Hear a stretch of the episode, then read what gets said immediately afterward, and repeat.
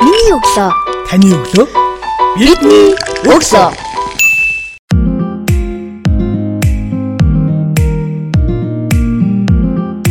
Сасагч танд шинэ 7 өдрийн өглөөний мэндийг хүргэе. Миний өглөө цуврал подкастын ээлж дугаар танд хүрч байна. Өнөөдрийн дугаартаа бид нийслэлийн мэдээлэл технологийн газрын дарга чин зөрөгтэй ярилцж байна. Танд шинэ 7 өдрийн өглөөний мэндийг хүргэе. Бидний урилгыг хүлээж авч манай сонсогчдод өөрийнхөө ажил мэргэжлийн онцлог, хувийн ур чадварынхаа талаар хуваалцсан танд юуны өмнө бас маш их баярлалаа.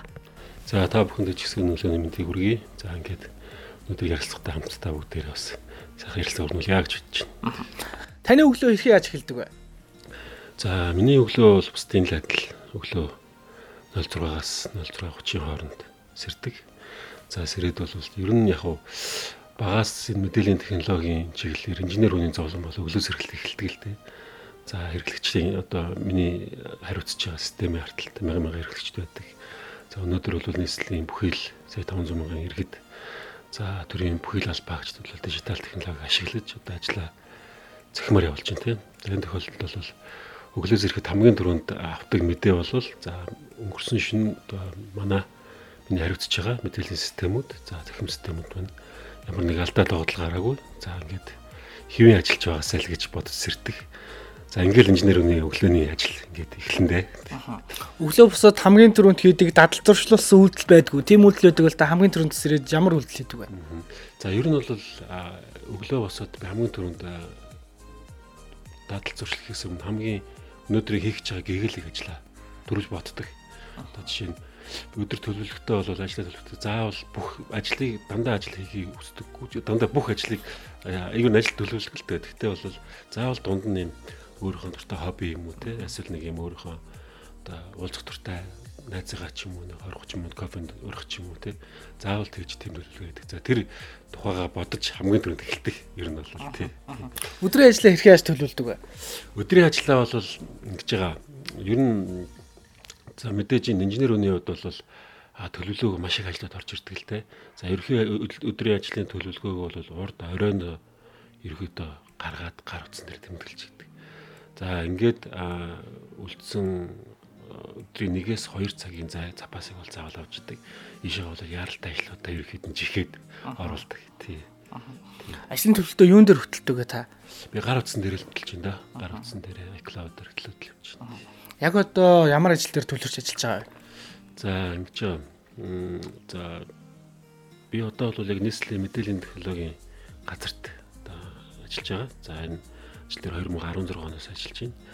За 16 оноос хойш 21 он, за 22 он 6 жилтэй. 6 жилийн хугацаанд бол Монгол улсын одоо IT хэрэглээ нэгт хоёрт Улаанбаатар хотын маань IT хэрэглээ хэрэглэгчдийн хүсэл шаардлага тий.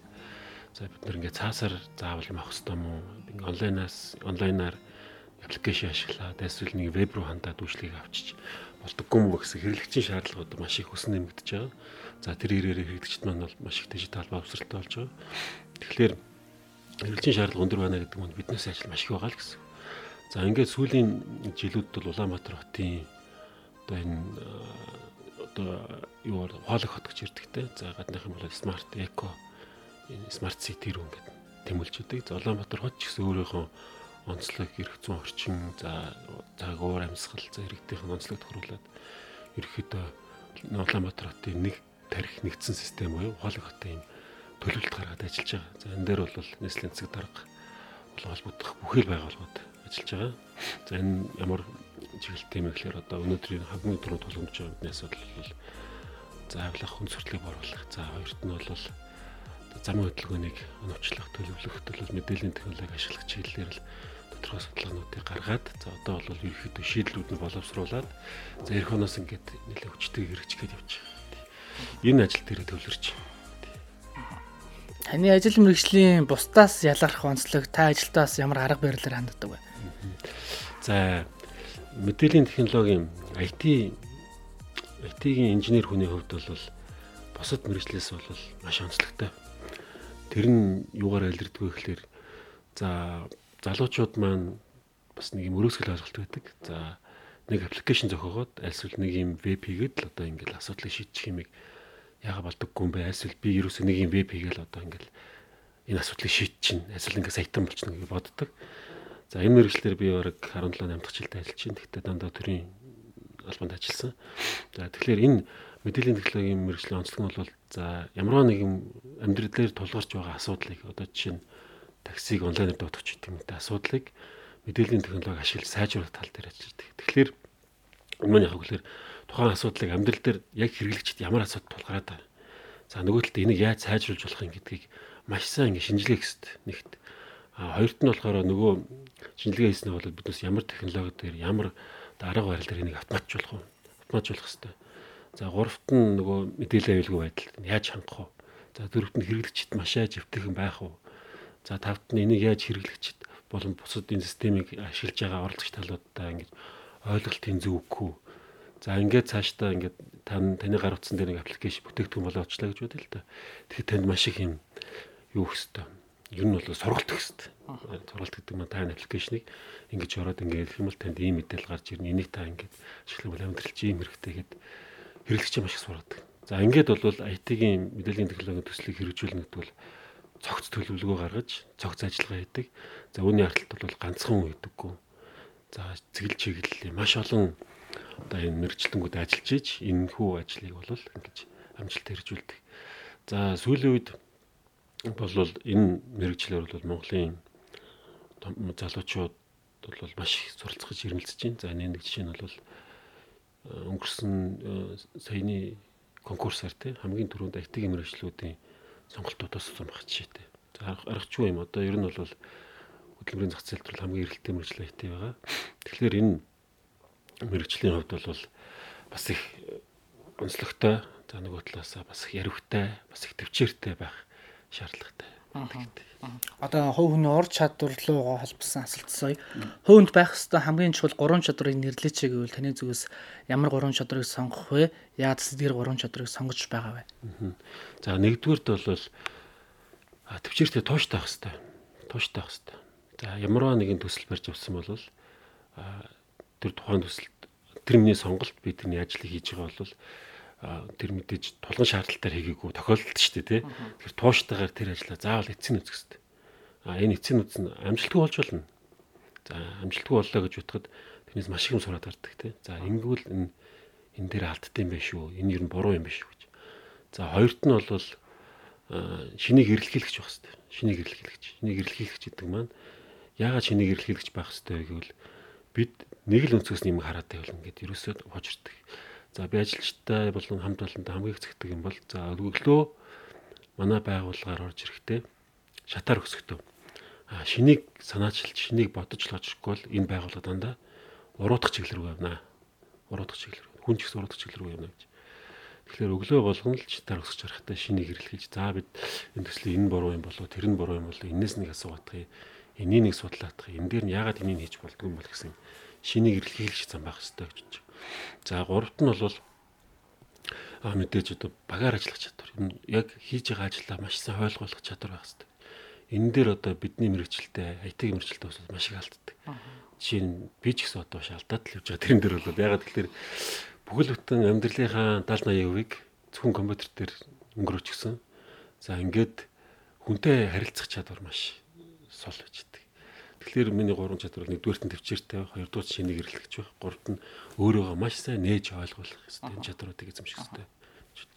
Та ямар цаг үед хамгийн өндөр бүтээмжтэй ажилладаг вэ? Ерөөсөө л яаж байгаа юм. Дуртай юм л хийж байгаа та. Дуртай юм хийж байгаа та. Тийм мэрэгчлэлтэй дуртай хүний хувьд би ч гэсэн би бол мэрэгчлэлтэй дуртай.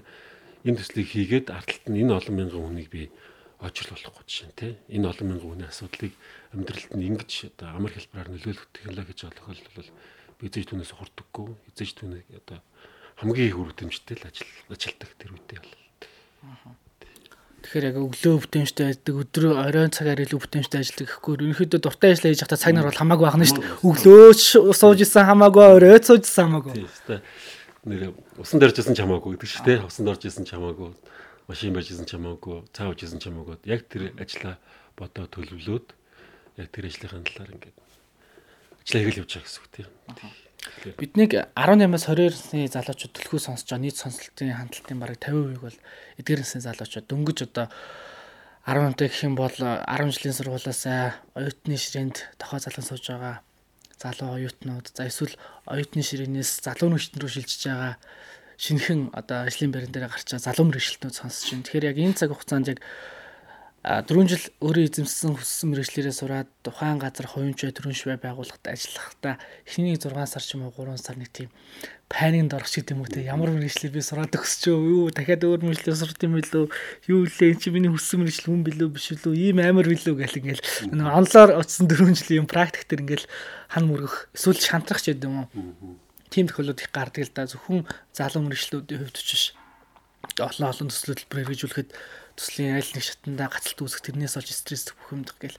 Тэгэхээр ямарваа нэгэн байдлаар таны амьдралын одоо яг энэ 16 7 жил ажиллаж явсан явж байгаа ажлын туршлагад тийм одоо хан мөрөгсөн асуудал гарч ирсэн тэр шийдэгдээгүй олон зүйл дээр одоо яраагцлах ч юм сэтгэл хөдлөлөөр унах өөрийгөө ялан дийлхэ болгоч юм ийм сэтгэлээр унсан зүйл дээр хэрхэн яаж зоригжуул тэр ажлын ард гараа гэдэг урам зориг олж авдаг вэ За залуучууд залуучууд маань за өссөн мэрэгчлээ эзэмшээд те. За сургуульдаа сураад ажлын байран дээр гарч байгаа.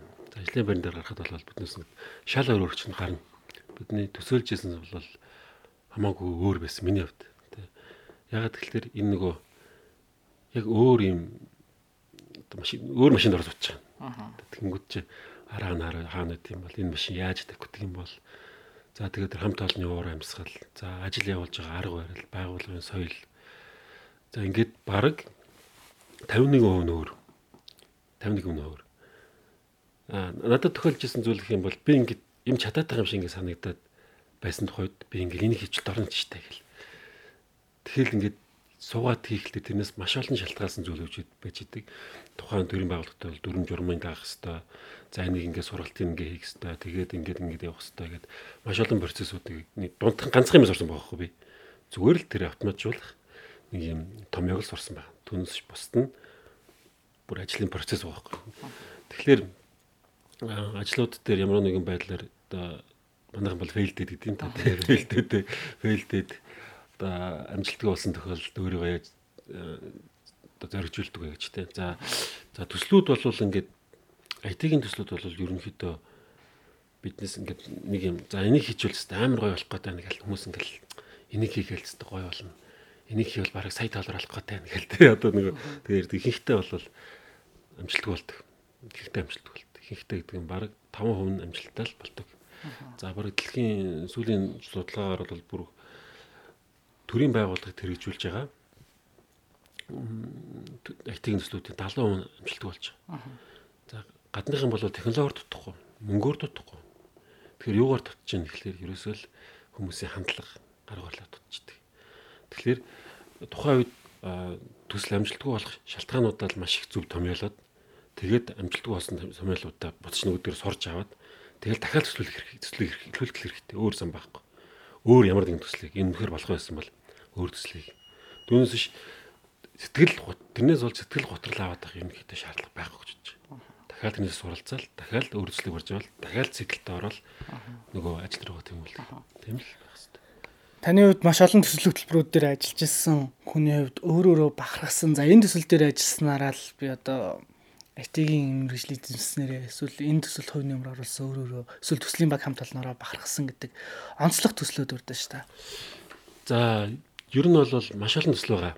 Дандаа төрийн байгууллага нийгмийн эдийн засгийн зорилт нь ер нь бол Монгол улсын хөгжилд бол томоохон ирээд авчирчлалт байна. Жишээ нь одоо эртний шинжилсэн мөртгөл уруугаар нэгээр мөртгөл явж исэн.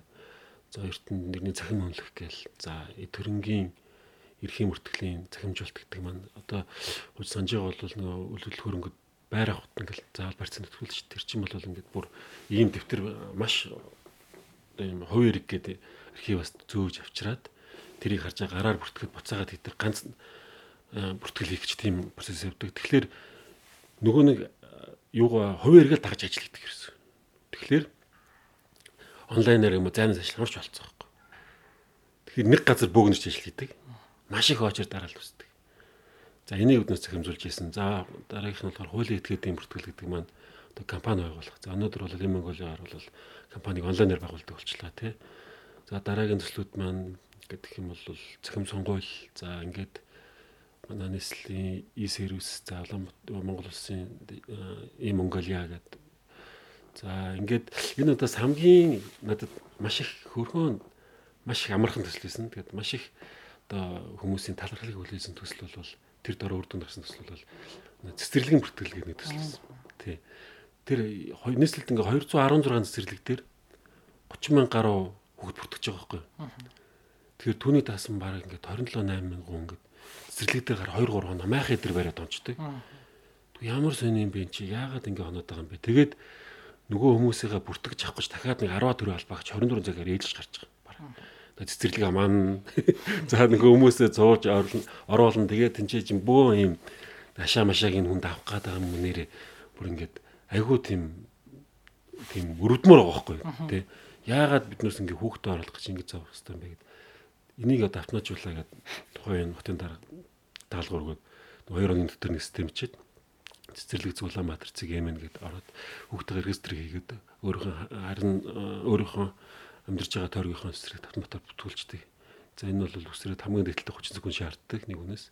За ингээд зарим хүмүүс бол 10 секунд шаарддаг ийм төсөл байсан. Энэ бас баг хамталнаараа бахархсан. Тэгээд хүмүүсийг цаг завыг авилгалыг маш их бооруулсан.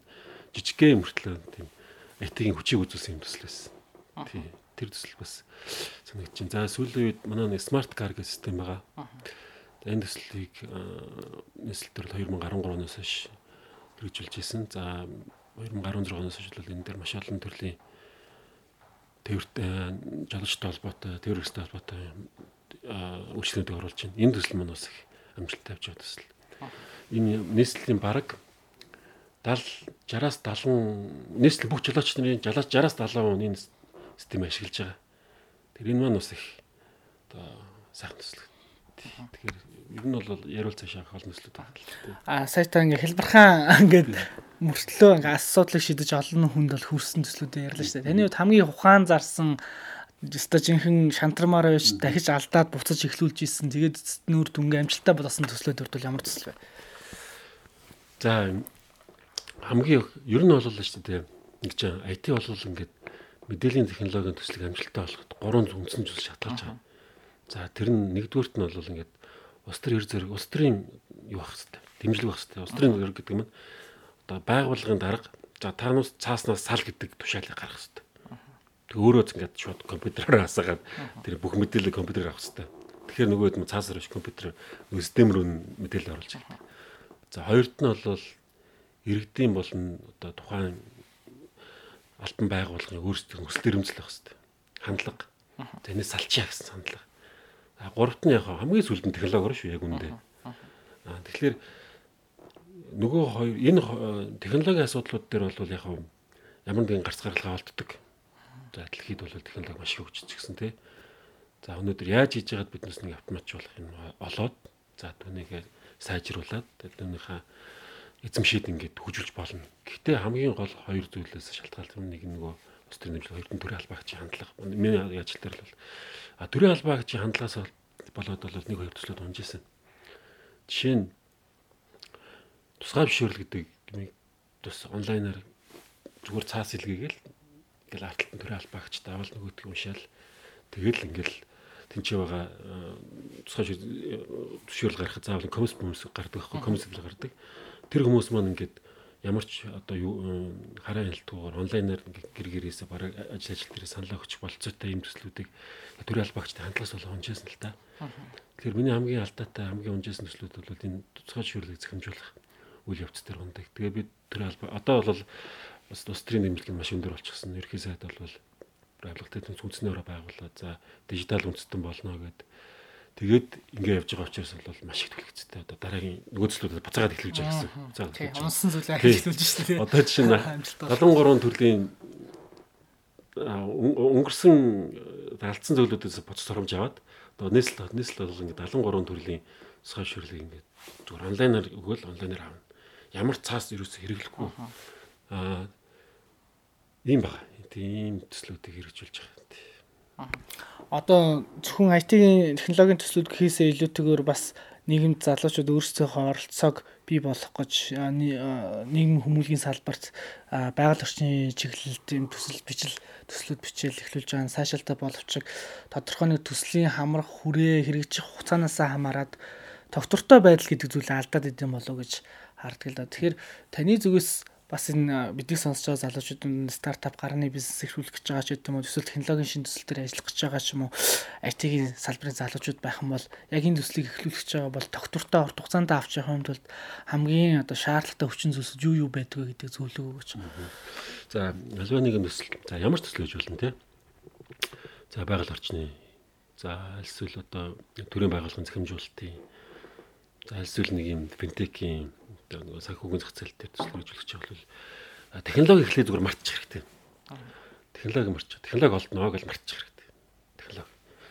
За гол нь биднээс ямар үйл ажиллагааг захимжуулаад нөгөөх нь гой автомат болоод одоо жишээ нь Uber бол 3 талаар оролцож байгаа байхгүй юу? ямар ч таксиг ямар ч таксиг тэгсэн мөрлөө дэлхийн хотод хотуудын одоо нийт эдийн асуулыг шийдэж штэ. Гурван төлөв оролцогч чинь зорчигч. За жолооч хотын захиргаа ч юм уу тухайн төрийн байгууллага. Төрийн байгууллага нь ерөөдөө хяналтад авчдаг. Тэгвэл энэ гурван оролцогч гуруулаа вин вин авах хэрэгтэй.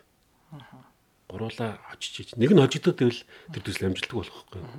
Нэг нь хойш суучдаг. Гурван оролцох гэдэг. Тэнгүү нөгөө нэг одоо гуруулаа саажаа гэж боддог чи нэг нь ингээл дургуцад байвал тэгэл надад ашиггүй штэ. Миний ажлыг улам хэсгээд байна штэ гэж хэлж болчихно.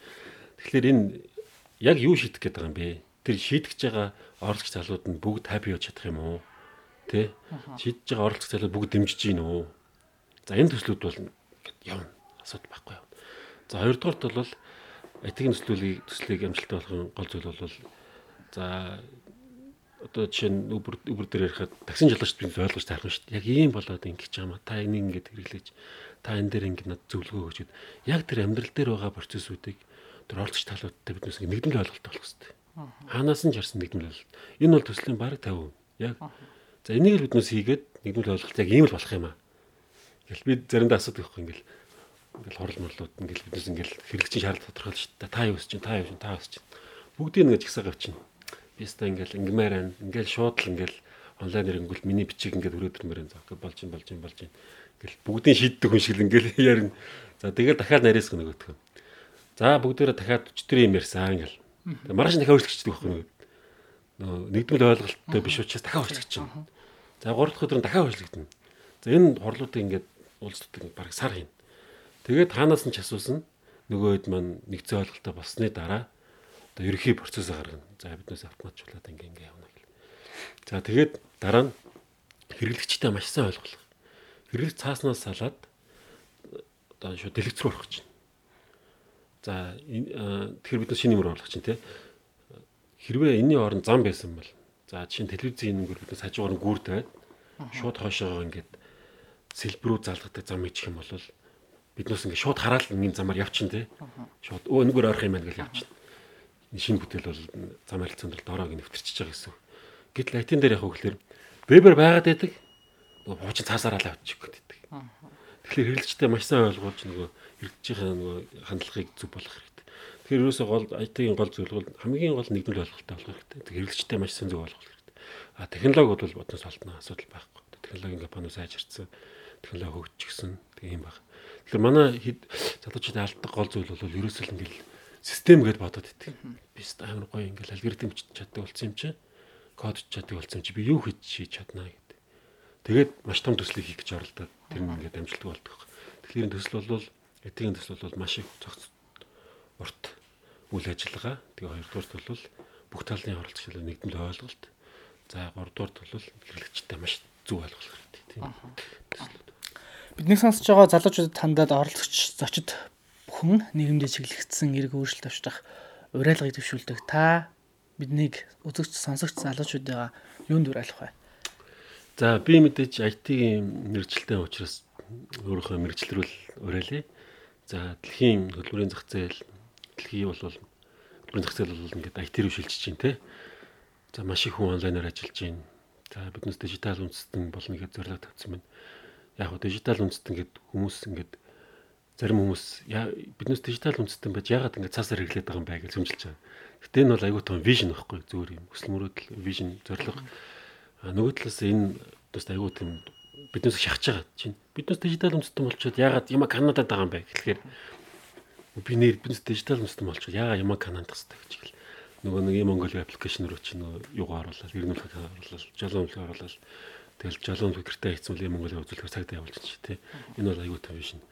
За тэгэхээр гуравдугаарт нь бол юу гэж байна? Энэ вижн байгаа. За гуравдугаарт нь бол дэлхийн өөрсгөж байгааг цагууд хөл нөлөөлөх шаардлагатай. Биднээс технологи ойлголттой байх хэрэгтэй. Биднээс далаад гарцгүй ч энэ технологи клауд гэдэг энэ орчинд бол маш том гарцтай. Энэ бол хязгааргүй.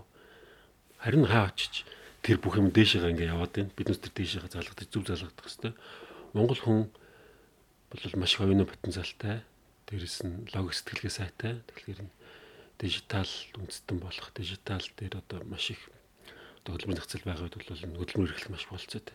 Өдөрт би сая ингээд балгаар явлаа л да. Балгаарт ингэж 150 мянган программист байна. Программист байна. Тэгээд Европын ингээд аутсорсинг хийж байна. Lufthansa, юу гэдэг Domino Pizza Pizza гэдэг. Тэнгүүд Монгол хүн өдөрт 100 еврогоны 100 еврог олж чадах хэрэгтэй дижитал. Яг тийм л болчих хэрэгтэй эхний ээлжинд. За 100000 залуучууд 2 жил сураад гадагшаа интеграцлаад өдөрт 100 евро болчихдог. 100 доллар. 100 евро бол Монгол мөнгөөр 300 мянга төгрөг тийм. За ажлын 21 хоногт бол 6 сая төгрөг. За тэгэх юм бол биднээс солонгос явах шаардлагагүй. Гэр бүлээс олдох шаардлагагүй. За хоёрдугаар дахиад ямар нэгэн байдлаар өөр газар очиод хараар ажиллах шаардлагагүй биднээс маш их боломж байна. Маш их боломж. Тэгэхээр энийг энгийнээр маш зөв ойлгох хэрэгтэй. Биднээс ингээд энэ дижитал зах зээл дээр эхлээд ажиллаж чаддаг болох хэрэгтэй. Юм ойлгох хэрэгтэй. Дараа нь том том бүтээгдэхүүн гаргах хэрэгтэй. Тэгээд Skype гэл маш том Zoom гэл маш том бүтээгдэхүүн хэрэглээ тий. Алхам алхам явах хэрэгтэй.